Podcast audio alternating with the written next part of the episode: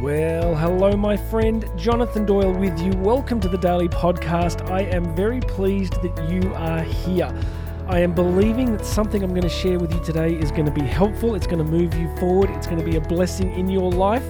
Are you ready? You're strapped in? We're going to do some business here. Now, make sure you've subscribed. Hit that big subscribe button on the podcast. It does make a difference. Share this with friends and family. And underneath here, of course, you'll find a whole bunch of links.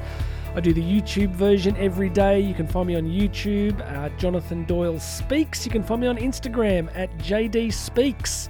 If you're on Instagram, come and do a quick search for JD Speaks. You're going to find me there. And there are links here on the podcast to coaching. There are links to all sorts of different things that I do. So please go and check those out.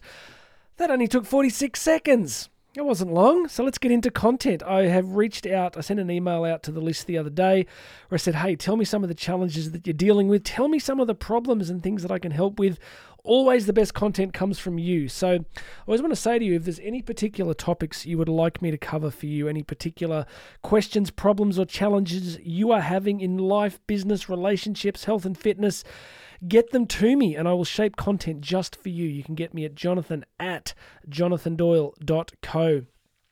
Today, I want to respond to a listener question around the topic of how we really I'm going to express it the way they expressed it. Uh, well, how do you change other people? How do you motivate other people? I read you one line here. I want to protect their identity, but they did say, How do we motivate others? I know we can't change others, but is there anything we can do to help? That's a short couple of sentences, but there's a great deal in that. How do we motivate other people? Uh, she uh, says here that we can't change other people, but can we do anything to help? So every single one of us is going to have some aspect of this in our lives. We can all think of somebody either in our family or our workplace that we think to ourselves, you know what? I can see how their life could be so much better. We, we can very easily see how we can help people to grow and change. We see their habits.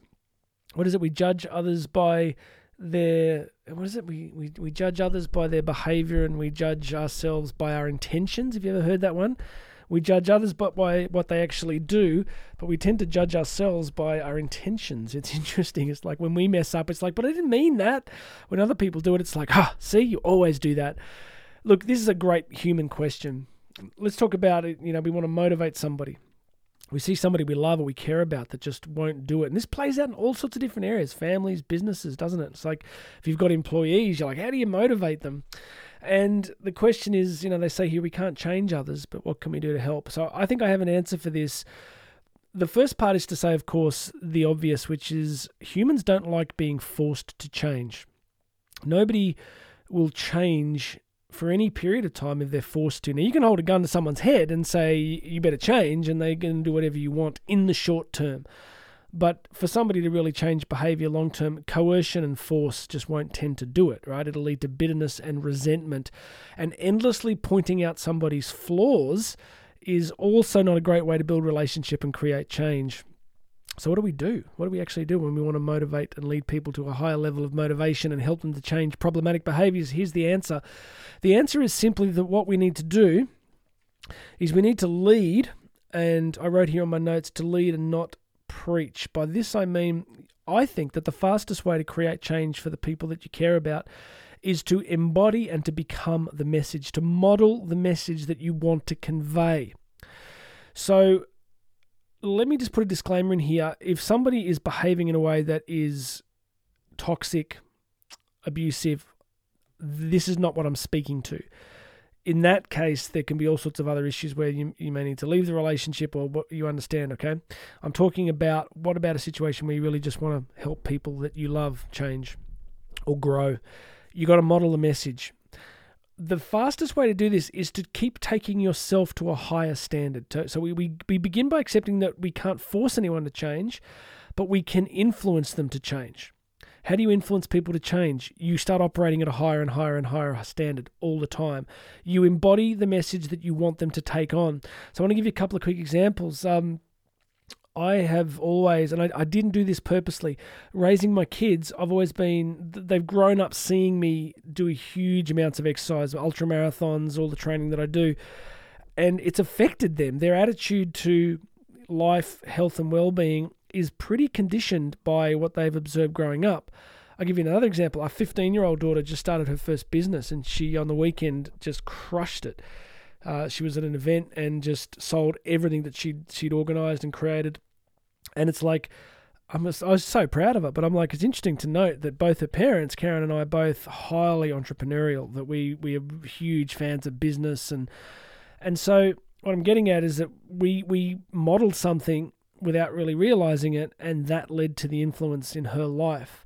So, in any area, if you're in leadership in any form, the, the fastest way to create change is to embody the message, to hold yourself to the standard that you want others to come to. And I hope you don't think this is some kind of nice idea or platitude. I genuinely believe this that if we keep modeling the behaviors that are significant, then they're going to impact other people around us.